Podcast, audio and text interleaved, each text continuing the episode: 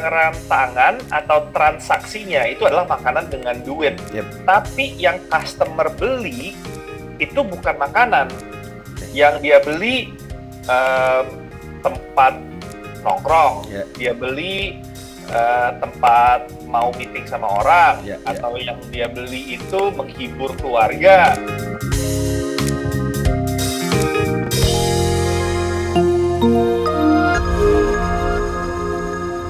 Halo semuanya, balik lagi di Ngobis, Ngobrol Bisnis by Teman Startup. Eh, hari ini kita eh, sudah kedatangan kesempatan nih buat eh, datang dan mungkin kita karena lagi PPKM jadi nggak bisa secara langsung ya. Tapi kita sudah terhubung dengan eh, Chef Andri atau Kak Andri, bolehnya panggil apa nih Kak? Uh, both works, that's fine. Oke, oke, Kak Andri. Eh, halo Kak Andri, sehat? Alhamdulillah, halo halo. Halo Kak. Nih kita eh, thank you udah Kak Andri mau join di podcast ngobis ini buat ngobrol-ngobrol dan sharing kali ya sama teman-teman nih. Iya, thank you for having me. Let's see, mudah-mudahan um, ada yang bisa di-sharing ya. Mudah-mudahan ada yang bisa ngebantu buat teman-teman di sana. Oke oke. Masih baru juga sih kita, so ya. Oke. Kak Andri boleh gak eh, sebelum kita kita akan ngomongin beberapa topik nih khususnya terkait ini kita bilangnya mungkin F&B ya fine dining gitu. Eh, boleh nggak cerita sedikit tentang diri Kak Andri sendiri dan mungkin perkenalan terkait Oma Eli walaupun kita, eh, dari kemarin kita juga udah banyak ya nemuin di media cerita tentang eh, pertama kali seperti apa gitu cuman mungkin in short kurang lebih itu gimana sih kak? Oke. em, jadi gua itu dulu em, memang selalu pingin sekolah kulineri, pingin Oke. kerja kulineri, pingin makan, eh, pingin di dunia makanan lah gitu. Ya. Sampai em, sama orang tua nggak pernah boleh Mhm. sekolah di kulineri. Sampai ujungnya gue masih ingat kerja pertama itu em, di Pizza Hut. Di Oke. Pizza Hut waktu itu pas gue di di Australia Oke. gue eh, padahal jadi driver jadi driver Pizza Hut di Mhm. sana terus em, ada satu tempat cafe yang memang kita sering datengin ya udah gue iseng-iseng aja gue iseng-iseng eh, apply padahal nggak punya pengalaman apa-apa terus gue masih ingat sampai sekarang itu dia bilang oke ntar bakal ada manajer yang telepon lo buat trial ya buat trial Mhm. session gitu Mhm. terus em, kayak seminggu gitu nggak ada yang nelfon-nelfon padahal gue pingin banget kerja di tempat kayak tempat yang paling asik lah waktu itu dulu gue gede-gede di Perth. Oke. Eh, terus seminggu lebih dia nggak nelfon-nelfon ya udah gue telepon aja ini Mhm. ini keep in mind ini tahun 2005 ya 2005.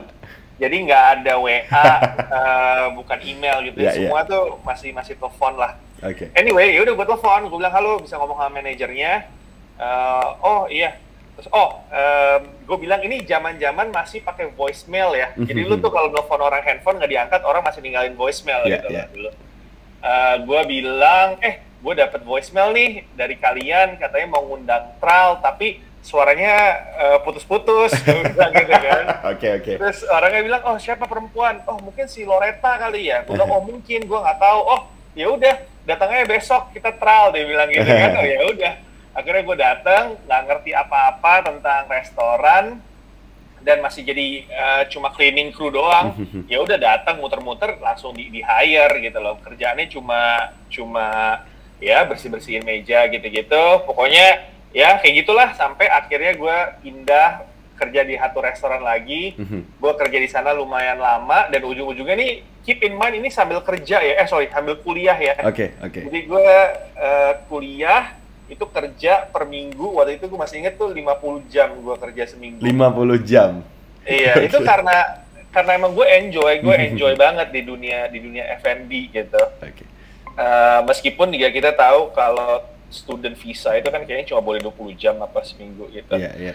Uh, that's the start of di situlah gue expose ke segala macam expose ke kopi ke dapur ke wine ke cheese roti itulah di dunia itu kayak ya orang-orangnya asik-asik kan. Jadi lu tanya ya dia ajarin lu tanya dia ajarin ya tinggal ngulik-ngulik ngulik-ngulik aja. Oke. dari situ uh, ya udah gue apa long story short uh, perkenalan gue di dunia F&B di situ.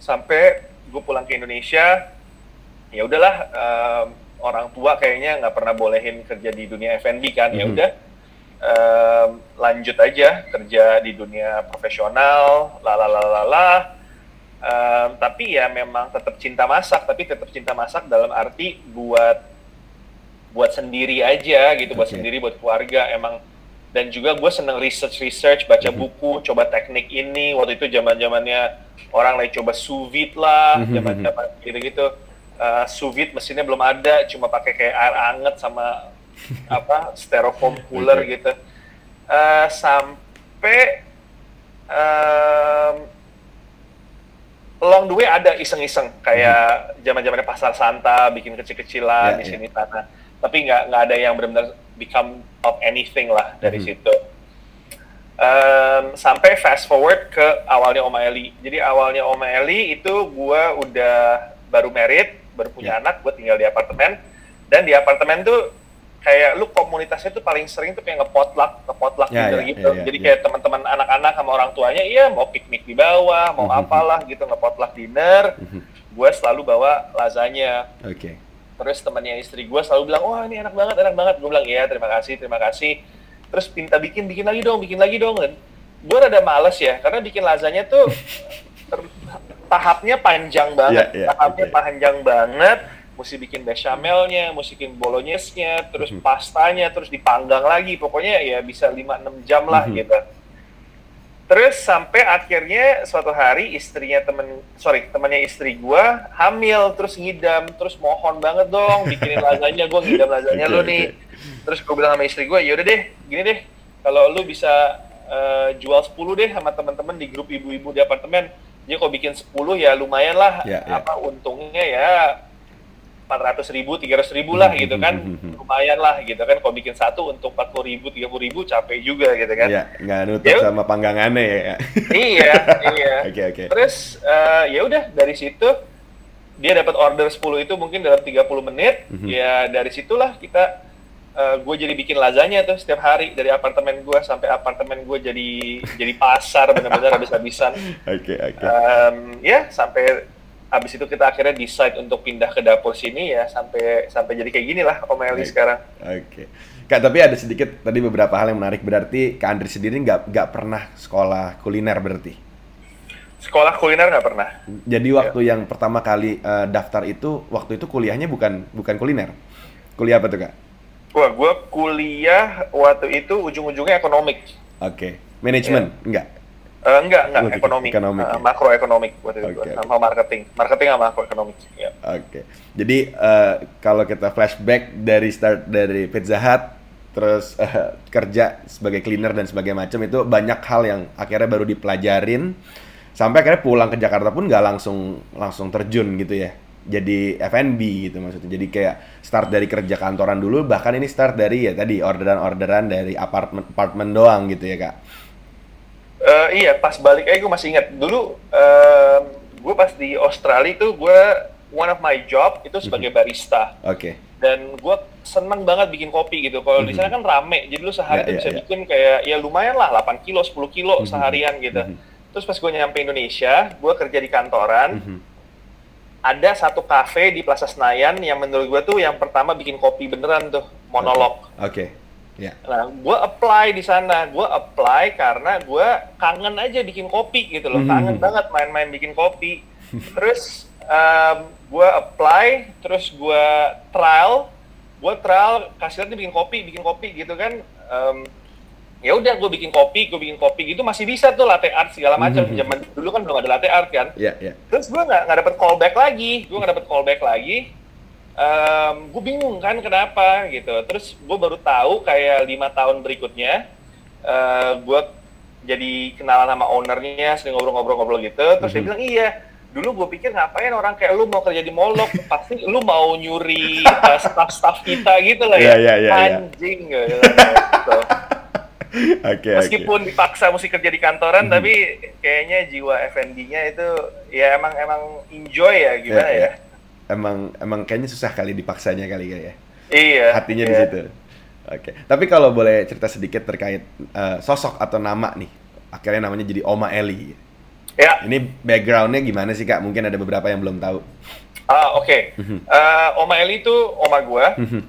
Eh, oma orang Itali. Mhm. Dia lahir di Itali.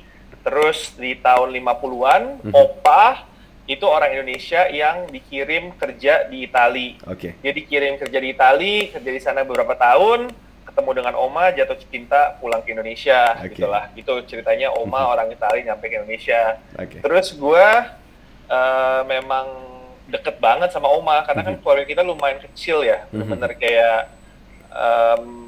gue deketnya dari sisi nyokap, yaitu yang sisi Italinya itu, dan kayak cuma nyokap eh, tiga om tante gitu sama sepupu-sepupu kayak total kita cuma kayak 14 13 orang gitu. Dan jadi emang deket banget sama oma. Sampai Mhm. dulu pas gua di Australia juga oma yang jagain gua gitu loh. Jadi ya memang kita sayang banget dan yang pemasak tuh emang dia. Jadi hampir semua gue belajar masak tuh sama dia gitu loh. Kayak Sabtu Minggu di Australia kan gua nggak tahu lu tahu Perth apa enggak ya tapi itu Mhm. bosen banget tuh kota Ya, kan ya. ya apalagi zaman dulu masih anak SMP gitu kan nggak bisa ke mana-mana nggak bisa nyetir Oke. gitu kan. Ya udah kerjaannya Sabtu Minggu tuh kayak yuk bikin cooking competition sama Oma gitu. Oke. kita belanja bikin apa ya. Jadi pada saat kita uh, jualan lasagna kan nggak punya nama Hmm, awalnya kan ya, cuma ya. gara-gara jual sama teman-teman. Kita eh pikir kan sama istri gua mesti bikin eh bikin Instagram deh lumayan nih orderannya. Mhm. namanya apa ya? Gitu kan. Wah pikir-pikir ya deh nama Oma Eli aja deh ini juga resepnya dari dia gitu kan Oke, oke. So, jadi nama, value, hospitality, kayak semua values yang mau disampaikan Oma Eli mungkin hari ini, itu mungkin terinspirasi dan suatu tribute juga kali ya untuk Oma Eli gitu. Apa yang waktu Iya. itu lo, eh, mungkin Kak, eh, Kak Andri rasakan waktu itu, itu juga yang sekarang mau di mau disampaikan kali ya ke customer gitu.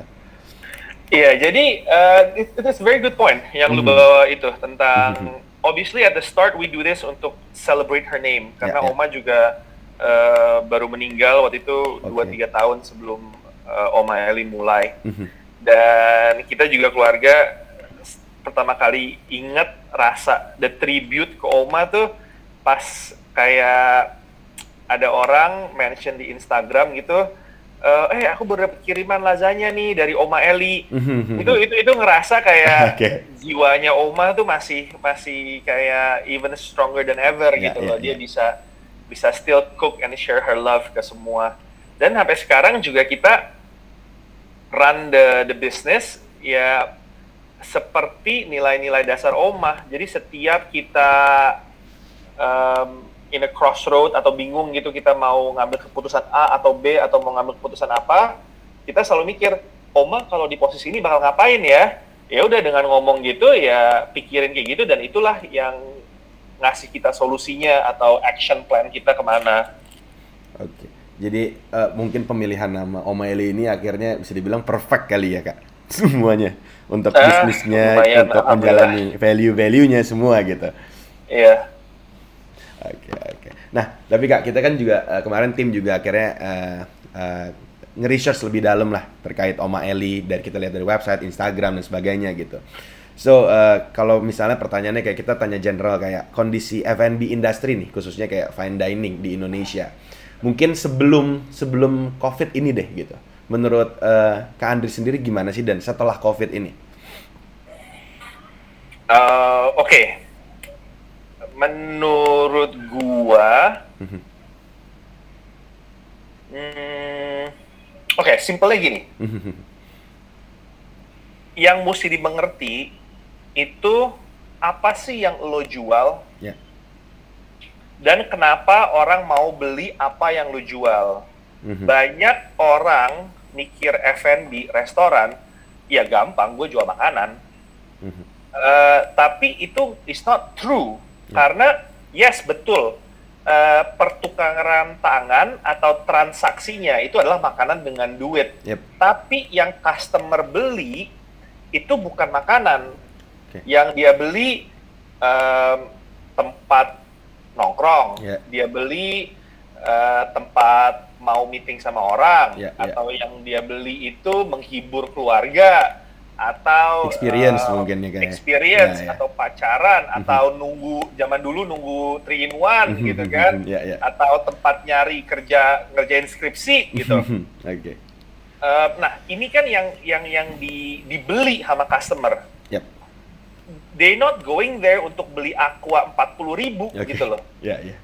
Ya kan dia Mhm. ke sana bukan untuk ngebeli nasi goreng or whatever it is Mhm, gitu loh. mhm, mhm. Nah, ini yang sebenarnya orang mesti ngerti yang dijual belikan itu apa. Nah, ini em, setelah pandemi, menurut gue ini juga yang menjadi menjadi penting tuh pertanyaannya itu yang customer mau beli dengan atau yang customer cari dengan pergi ke restoran, kafe itu apa? Ya. Gitu. Jadi nggak semata-mata di apa ya actual produknya hanya makanan gitu, tapi banyak augmentednya juga yang kayak tadi hal-hal lain lah selain dari makanan itu sendiri gitu ya kayak. Iya, kata kasarnya kalau gue misalkan mau benar-benar mau makan gitu ya, gue bakal cari kayak ke kota Ya, gitu atau mie oke. ayam yang di ganggang Ya, gitu ya, kan ya, ya, atau ya. ngerti nggak sih Ya, kalau ya, gue ya, mau ya, nyari ya. makan ya gue nyari ke sana gitu. Mhm. Jadi kalau lagi makan mungkin let's say kayak makan di Om Eli sebenarnya yang buka ya makan itu pasti ada plus-plusnya lagi yang lain gitu ya kayak.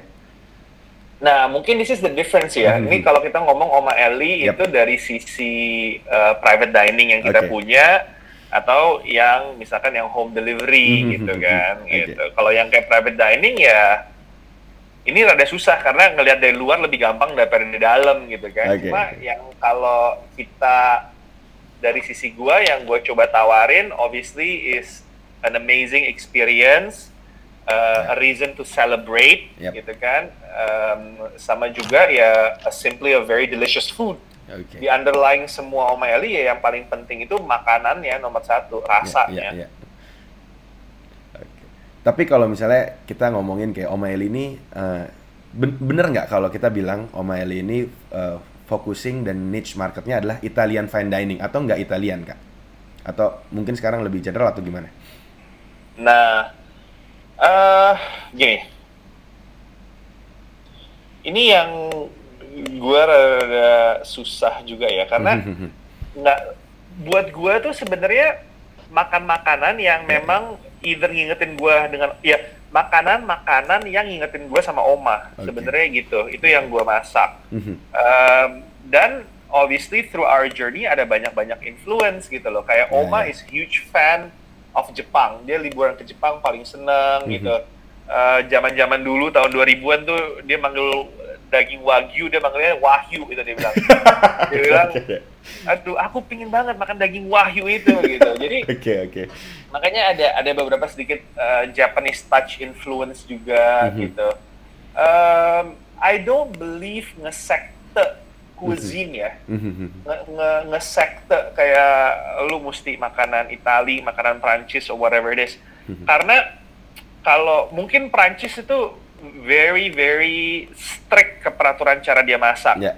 Tapi kalau Itali sebenarnya kalau lu ngomong regional tradisional gitu kan Ya ya. um, regional tradisional tuh bukan masalah karena peraturan, tapi regional tradisional itu simply dengan dia menggunakan apa yang banyak di sekitarnya. Oke. Jadi kayak misalkan Resource-nya uh, berarti ya kak? resource-nya Mhm, gitu loh. Emang mhm. lu di daerah Florence Ya ya. uh, paling banyak ini lah carbonara. Carbonara di uh, di startnya di di Roma Mhm. gitu kan. Dan uh, Roma daerah situ itu memang keju yang dia buat itu pecorino Mhm. uh, di mana Parmigiano sama Grana Padano itu di daerah Emilia Romagna gitu. Um, dan orang bilang lu bikin carbonara harus pakai pecorino gitu loh. Oke oke. Tapi sebenarnya bukan bukan di Roma waktu itu harus pakai pecorino. Mhm. It's simply karena daerah situ bikin kejunya pecorino. Padahal Oke. pecorino Parmigiano Reggiano mirip banget gitu loh. Mhm. Nah, pas Oma datang ke Indonesia juga dia ya udah apa pun yang ada di sekitar itu yang dia dia dia jadiin satu gitu. And Ya, ya. I think that's the beauty of the Italian food yang Oke. sangat kind ya Mhm. sangat kind nggak nggak marah kalau lu eh, harusnya pecorino lu pakai grana padano harusnya Oke. fontina lu pakai mascarpone or whatever it is lah gitu Oke. Lebih ke arah kayak bagaimana kita punya resources seperti apa dan utilizing the resource itu well aja ke makanan kita gitu ya. that's it Itu that's Italian it yeah. Italian food kayak gitu menurut Kak uh, Iya. Andri. Iya. Oke oke oke. seru ya menarik kayak gua, uh, saya sendiri banyak belajar nih soalnya kan nggak ngerti nggak ngerti tapi baru tahu hari ini nih kalau misalnya Italian food tuh kayak gitu ya gitu nah kalau kita ngomongin kayak misalnya uh, hmm, kompetitor lah ya. Kompetitor atau pemain di industri yang sama gitu. So uh, apa sih kak competitive advantage atau value yang mau ditawarkan oleh Oma Eli yang mungkin uh, strategi kali ya untuk untuk bisa menjadi uh, best among the best gitu?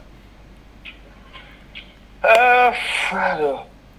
To be honest, kita nggak pernah, we've never, to be honest ya, kita nggak pernah mikirin kompetitor kita siapa, atau kita nggak pernah bikin uh, positioning strategi kita di mana, atau kita ngelihat ada gap ana di market landscape, jadi kita di situ gitu, ya, ya. Um, atau nyari kayak differentiation strategy atau competitive advantage, kita jujur nggak pernah ngelakuin itu sama sekali gitu. Okay kita benar-benar literally uh, ya do what we think is right. It's Ya, that ya. simple sih buat kita. Fokus sama apa yang memang lagi dijalankan dan yang memang bisa ditawarkan sama Oma Eli sendiri gitu ya kayak Iya, jadi kayak emang fokus yang sorry. yep. Emang kita fokus untuk membuat sesuatu yang kita suka gitu loh, yang emang kita mau makan sendiri. oke And kebetulan pada saat perkembangan menu kita dari pertamanya cuma lasagna, habis itu ada yang keto lasagna, terus tiramisu, terus roast beef. Yep. Itu rangka-rangka awal. Semua itu terjadi karena temen minta. oke Jadi kayak habis itu kita bikin keto lasagna karena aduh gue lagi diet keto nih. oke Terus oh iya Oma dulu sering bikin eh, lasagna nggak pakai pasta, Ya. pakai terong. Ya udah deh gue bikinin deh gitu. Ya udah em, pada seneng masuk ke menu. Roast beef juga gitu. Temen yang order-order lasagna eh, pernah datang ke New Year party gue sebelumnya yang gue bikinin roast beef. Eh itu enak banget. Tolong dong gue mau ada pesta di rumah nih. Eh, Mhm. bisa bisa bikinin nggak? Ya udah gue bikinin ya. Jadi kayak gitu Mhm. gitu. Tiramisu juga gitu ceritanya. Jadi ya semua at the beginning benar-benar dari permintaan konsumen. Oke oke. Yang yang menarik sih dari dari semua dan cerita dan akhirnya eh, saya sendiri berkesempatan gitu ngobrol sama Kak Andri gitu. Eh, yang saya lihat dan kita lihat adalah kayak Kak Andri adalah seorang apa ya mungkin bisa bilangnya passionate chef yang juga eh, the businessman itself gitu menjalanin ini semua gitu. Jadi kayak seperti tadi yang Kak Andri bilang gitu kayak ya nggak nggak nggak gitu peduli atau uh, be honest nggak nggak ngurusin strategi positioning gitu tapi kayak memang tetap fokus sama apa yang diminta sama customer gitu tapi kayak lebih fokus kayak apa sih yang mau di deliver gitu dari Oma Eli Yep, yep, I think so, I think so. kayak, uh, lu jadi bikin gue mikir gitu ya, lu jadi bikin gue mikir kayak tentang masalah dari sisi uh, bisnis strategi kita juga gitu. Uh, mungkin dua hal ya, a- ada the beginning of Oma Eli Yep. itu yang gue selalu bilang sekarang kayak looking back at it kalau Oma Eli di awal lu bikin strategi di kertas gitu Yep. nggak bakal mulai. Ya benar. Karena it's just it's just too crazy. Ya ya. It's just too crazy.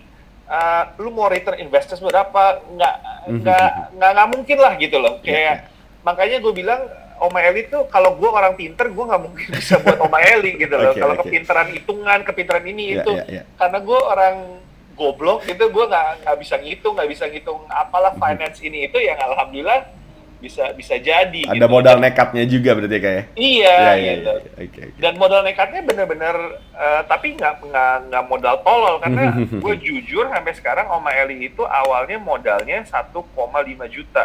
1,5 Oke, juta gokil. itu eh, penjualan lasagna pertama yang gua sama istri gua pergi ke Lotte Mart buat Mhm. belanja. Ya alhamdulillah dari situ itu uang jualan yang kita pakai buat muter-muter muter-muterin terus. Sampai sekarang Sampai- ya sampai sekarang Mhm. gitu. Makanya kayak sampai sekarang jujur Oma Eli belum ngambil untung sama sekali. Oke. Semua uang yang ada kita masukin lagi buat Mhm. beli alat gelato, beli kulkas lebih gede, beli kompor Ya. lagi, gedein eh, tempat karyawan, bikin mes buat karyawan. Mhm. Lalalala. Jadi sampai sekarang kita belum belum ngambil untung sama sekali. Masih masih coba untuk gedein aja. Dan nomor dua Mhm. yang this experience benar-benar ngajarin gua ya, Ya, ya. itu eh, gini. Whatever you do in life, kalau lu mau sukses atau punya kesempatan untuk menjadi sukses, Mhm. lu harus kerja keras banget.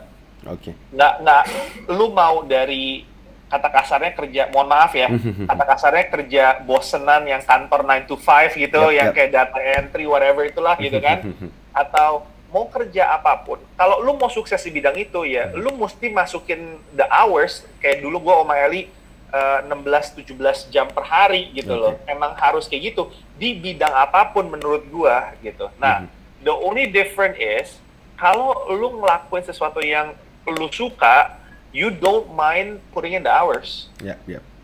Lu nggak nggak keberatan untuk ngelakuin itu semua karena emang lu enjoy. Ya, ya.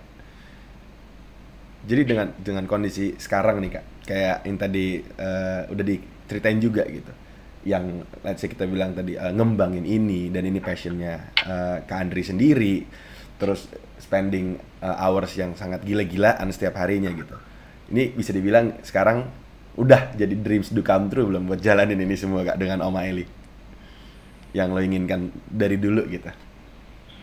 Um, it's beyond my my wildest dream ya, Oke. Om Eli jadi kayak gini dan bersyukur banget, bersyukur banget um, Om Eli jadi se- kesi- jadi begini itu karena um, apa kata-katanya ya? Karena hal-hal yang gua nggak punya dulunya gitu loh. Oke, ya. Kan Oma Eli dari dulu kan udah delivery uh, sebelum PSBB dan lain-lain Ya, gitu ya. kan. Dan dari dulu tuh kita delivery bukan karena emang gua gini, bukan gua orang bisnis strategi yang mikir masa depannya cloud kitchen lalalalala. Ya, ya, ya. Bukan gara, bukan karena itu. Mhm. Dulu gua ngerjain delivery jujur banget karena nggak punya duit buat bikin restoran Ya, ya, gitu loh. ya. Oke. Modalnya nggak cukup buat Ya, sewa tempat ini itu dan lain-lain gitu. Oke. Eh, dan sekarang ya bersyukur banget kita bisa punya tim yang luar biasa yang benar-benar eh, kita saling support dan kita juga bisa support keluarga mereka, um, making sure they're healthy and yeah we're just very grateful untuk bisa di posisi ini and, and spread the love. Oke, oke. Keren sih, Kak. dari tadi dengerin dengerin cerita dan perjalanan dari Om Eli banyak eh, hal yang baru kita tahu yang kita cari di website kan nggak nggak tahu sejauh ini mencari di artikel gitu. Ya. Dan dan yang paling menarik kita juga eh, tadi eh, pribadi saya pribadi kayak ngecek di YouTube. Terus eh, ternyata Sorry sorry sorry, Ya, ya. gue boleh mundur satu hal lagi nggak? boleh boleh boleh boleh. Nanti kita yang men- menurut gue menarik banget nih menurut gue menarik banget especially kalau lu ngomong dari tadi ya kata Ya, ya. Mencari kesempatan dari kepepet gitu. Um, yes private dining memang awalnya ada apa temen yang minta mulai ini itu dan lain-lain tapi um, one of the reason yang kita memang push private dining di awal Ya. yang kita waktu itu juga um, karena nggak punya restoran dan lain-lain nggak pernah buka, buka restoran kita waktu itu mau coba untuk bisa mendapatkan exposure di media ya ya. dan zaman dulu itu kayak media ah lu apa sih? Lu catering rumahan doang? Ngapain gue masuk ke majalah gua? Gitu Mhm, loh kayak oke. lu cuma jualan lasagna doang gitu. Jadi awal-awalnya kita consciously bikin private dining itu as a branding effort buat Oma Eli. Oke. jadi kesempatan buat Oma Eli bisa ajak media bisa ajak jadi kita bisa mendapatkan coverage liputan Oke. karena sebenarnya kalau lu bikin restoran fokus di fine dining itu nggak bakal ever make money Oke. sebenarnya fine dining itu itu kayak bener-bener break even doang gitu loh. Oke, karena oke. kan lu cuma bisa per hari 20 orang Ya, gitu ya, kan itu susah banget jadi ya makanya lu ngomong nih kayak lu ngomong private dining private dining private dining atau fine dining Mhm. yang kita semenjak ppkm eh, psbb udah nggak ngelakuin lagi gitu loh tapi melekat banget ya karena karena itu gitu Oke, karena oke, karena oke. Gu- kalau lu Google search Oma Eli yang keluar itu gitu loh Oke, oke, oke. So, so dan bisa dibilang kayak sebenarnya ya se- yang tadi Kak Andri juga bilang sebelum sebelum private dining ini pun kita juga dulunya sudah terbiasa untuk online gitu. iya So dan sekarang ketika PPKM gini ya nggak kaget dan bukan jadi kayak wah gara-gara gini kita jadi mati nih fine dining nggak juga Eli jadi susah nih jalannya gitu nggak juga gitu kan. karena udah terbiasa dengan yang dulu gitu. Iya, sorry sorry. Tadi lu ada pertanyaan apa yang gue potong? Oke oke. Coba eh, kita tuh eh, lihat di eh, YouTube, terus kita eh, lihat terus kayak kita mikir kayak eh, kita kita nonton, eh, nonton beberapa konten dan salah satu yang sangat eh, akhirnya masuk tuh konten yang pertama yang video-video awal deh, yang kayak ada ada cerita eh, Kak Andri dan tim seharian gitu kerja. Oh, yang sama Crave, iya sama Crave, iya iya. Iya ya, eh oh, itu sama Crave ya? Iya, iya itu Oke, oke. i- yang 24 jam di O'Malley itu kayaknya sama Crave. Dia Iya. dia bikin liputan 24 jam sama kita, iya. Oke oke iya dan dan banyak nih konten-konten lain nih yang kayak eh eh, eh, masak resep gitu-gitu. Kayak kita kita ngerasa untuk untuk sebuah atau ya mungkin ini uncommon buat eh, kita ah, ngelihat suatu kita bilangnya apa mungkin eh, F&B business yang memang eh, bikin konten-konten kayak gini gitu. Nah itu itu apakah itu salah satu memang eh, usaha dari strategi lah atau apa pun yang dilakukan Oma Eli untuk meningkatin awareness atau gimana sih kak? Pasti pasti banget kayak em, gimana ya? Gua gua coba susun ceritanya. Ya ya. Nomor satu kan kita nggak punya a big marketing budget, jadi Oke. kita mesti ngebikin konten eh, yang bikin orang lebih tahu tentang Oma Eli. Mhm. Terus gua lihat kalau orang tuh kalau mau bikin konten, yang penting itu adalah kontennya bernilai ke customer. Oke. Ada nilai tambah buat customer gitu loh. Ya, Kalau ya. nggak ada nilai tambah buat customer juga dia nggak nggak peduli lah.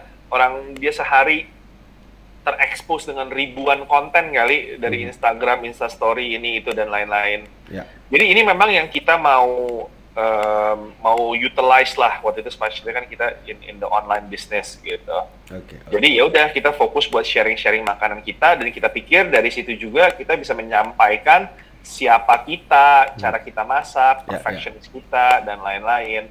Mungkin yang gua tambah itu banyak orang nanya, e, lu ngasih resep komplit nih di di YouTube lu ini, Ya, gitu. ya. lu lu yakin gitu kan?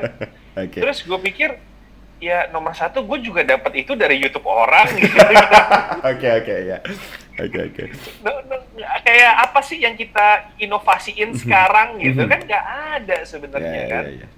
itu juga gue dapat dari dari dari belajar dari baca buku baca konten-konten orang gitu kan sampai sampai dapat ke ke sana gitu Mhm. Oke. dan Nah, juga Oke. gue nggak pernah takut kayak orang mau curi resep gue ya ya oke silahkan Mhm. gitu loh atau kayak tim gue keluar mau itu ya silahkan Mhm. karena it's it's not the same it's Ya, it's ya. a brand gitu loh Mhm. you will never have my brand Ya ya ya. you will never have Oma Eli itu gue nggak bakal kasih ke orang Mhm. tapi kalau ya resep bukannya gue nggak takut atau sombong tapi maksud gue Oma Eli is so much bigger dan satu resep Ya, gitu ya. loh so iya gue eh, kayak lu ngelihat semua restoran em, Michelin star Mhm. itu punya buku yang tebel banget yang resepnya detail banget benar-benar bisa bisa bisa bisa gitu kan Oke. kenapa nggak ada orang bisa pakai buku itu terus nggak duplikasi lagi Iya, Michelin iya, star dia kan Mhm. Soalnya kayak yang tadi Kak Andri bilang juga karena kan ya semua juga sebenarnya resep itu dari buku dan dari internet gitu kayak ya nothing new under the sun aja gitu. Cuman ya memang yang value-nya adalah ada di brand Oma Eli ini gitu. Bukan bukan cuman satu satu satu resep yang akhirnya dicuri orang gitu. iya dan yang penting buat gua Mhm. itu adalah em, R&D R&D itu kayak gini Mhm. misalnya kita mau membuat sesuatu nih let's say Ya. tiramisu gitu ya Mhm. Di kepala gua gua udah tahu nih mau hasil akhirnya itu seperti apa Oke. Nah, tinggal gue coba-coba-coba untuk akhirnya nyampe ke sana. Jadi gue inget banget one thing yang lu gue mesti sharing ya tentang Mhm. Itali atau Ya, ya. Oma gitu. Orang Itali itu terkenal nggak punya buku resep. Oke. Itu nomor satu. Jadi gue gue pernah share, gue pernah dengar kayak nge-recruit staff yang kerja sama chef benar-benar orang Itali asli dari sana. Mhm. Dia suka sharing, gila gue stres banget. Hari ini eh, versi kayak gini, besok versinya beda, besok versinya beda lagi gitu kan. Iya, iya, Suka-suka sharing kayak gitu. Um, jadi it's all about the R&D element of Ya. it. Nah, sorry sorry, bukan R&D. Jadi Oma Mhm. itu nggak pernah ninggalin gua buku resep. Oke. Nah, terus akhirnya gua sama keluarga gitu, sama adik, kakak, sepupu, om, tante ngobrol. Akhirnya kita kenapa sih kok kita bisa bilang makanan-makanan gue tuh kita tahu nih Oma dulu nggak pernah masakan ini buat kita, Mhm. tapi rasanya kok kayak rasa masakan Oma ya gitu. Oke. Sering banget keluarga-keluarga ngomong gitu. Akhirnya kita um, find out oh jadi ternyata yang Oma tinggalin ke kita itu bukan buku resep, tapi yang dia tinggalin ke kita itu lidah kita. Oke. Kita kebiasaan makan makanan dia. Ya, ya. Jadi pada saat sekarang gua mencoba membuat resepi, ya gua membuat resepi sesuai dengan selera lidah gua yang Mhm. dididik abis-abisan se se- seumur hidup gua sama dia gitu loh. Ya, ya, ya. Nah, jadi sekarang pas gua develop resepi, gua jujur banget deh.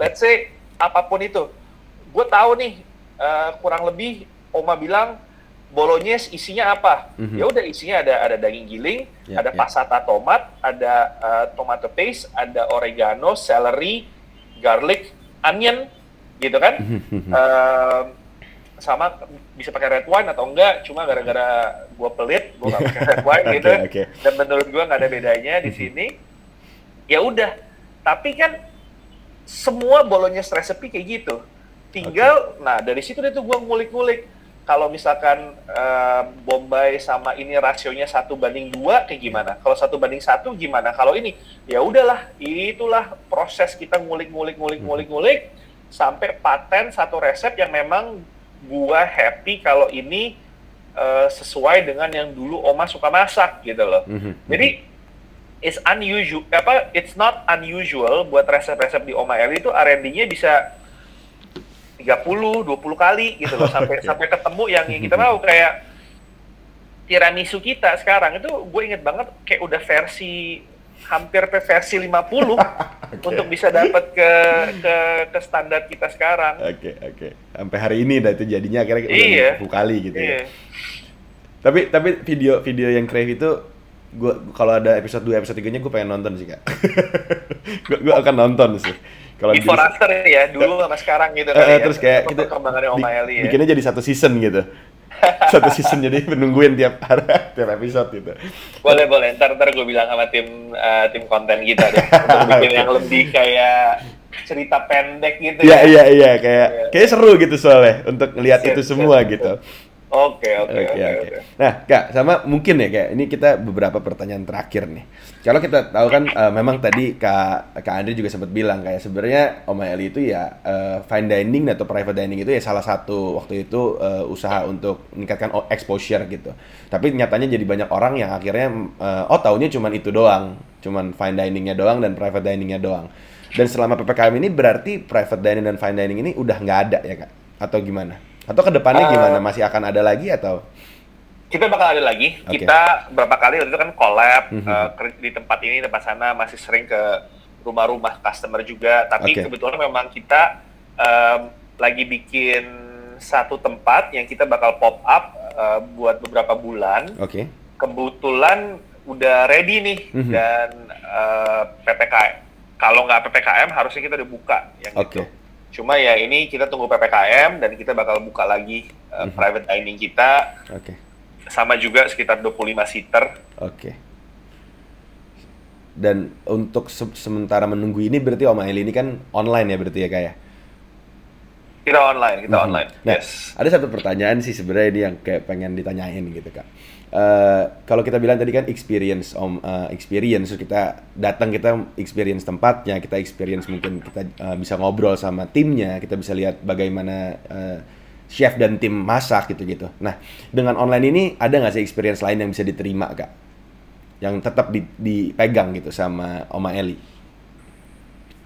Oh, very good question ya. Sama experience-nya gitu. Experience yang bisa diterima. Hmm. Well,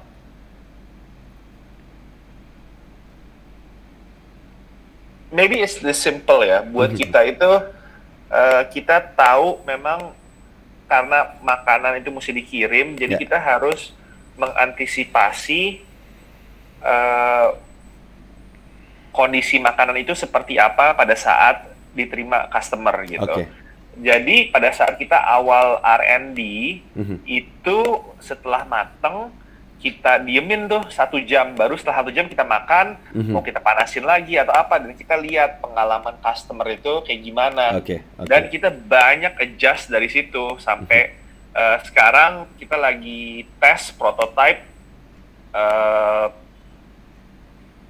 pengiriman delivery kita sendiri pakai ada box dari Jerman yang Ya, teknologi insulasinya itu keren banget jadi satu Oke. jam itu cuma turun satu derajat Celcius jadi Oke. lu gue pernah masukin pizza ke sana Mhm. keluar setelah satu jam literally masih masih ngebul gitu loh masih masih panas Oke, so oke.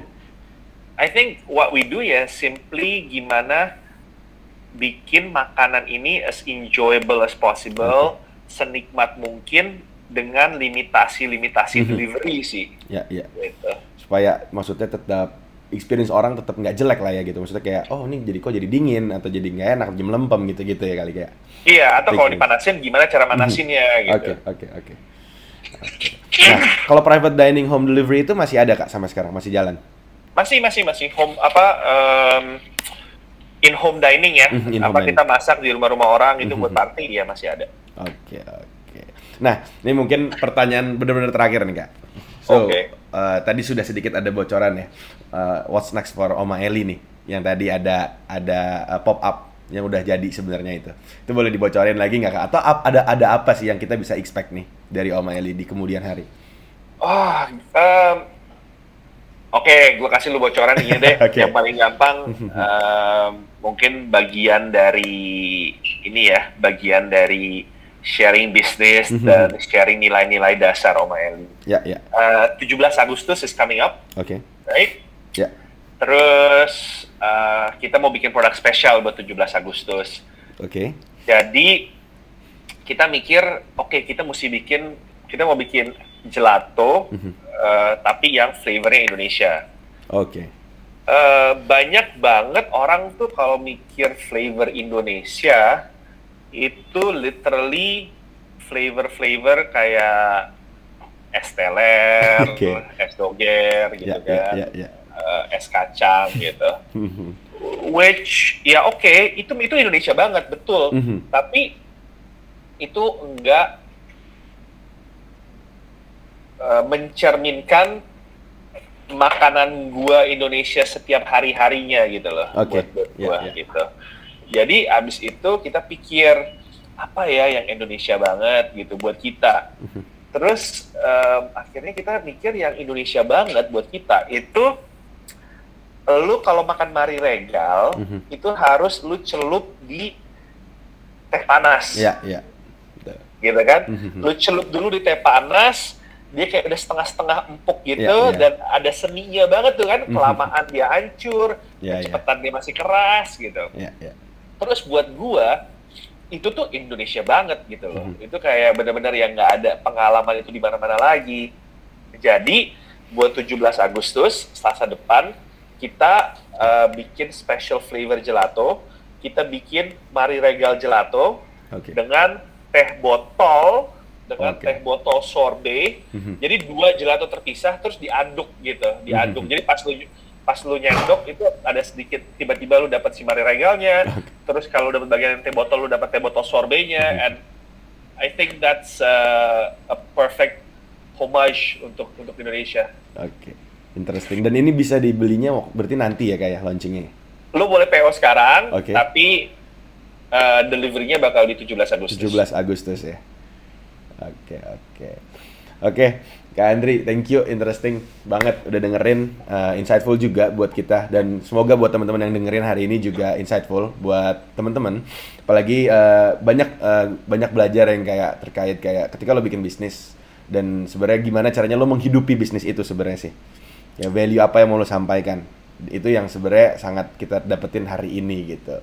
Sukses terus Kak Andri, buat Kak Andri ke depannya salam untuk tim dan juga untuk eh, tim dari Oma Eli semuanya supaya ke depannya eh, bisa terus menyampaikan value-value ini ke teman-teman dan customer dari Oma Eli. Oke, thank you banget. Thank you for having me. And, Thank you, thank uh, udah dengerin gua. Mudah-mudahan kalau ada kekurangan um, atau gua kata-kata salah, mohon maaf ya. Oke, oke. And kalau ada pertanyaan, just uh, shoot me a DM, and kalau Oke. bisa gue bakal pasti gue jawab. Oke. Oke. Kak, itu boleh dima- ditanya di mana, Kak? DM-nya di app di mana Instagramnya? Uh, langsung ke DM gue aja, ke DM Oke. pribadi gue aja, at uh, Andri Susanto, Andrinya pakai Y. Oke. Uh, itu pasti biasanya orang sering DM sana mau nanya cooking question or whatever it Hmm. is, pasti gue gue jawab di sana. Oke, dan Instagram Oma Eli ada di @omaeli ya, Kak ya?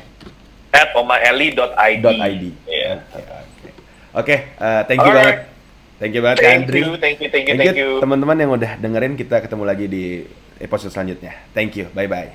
Thank you.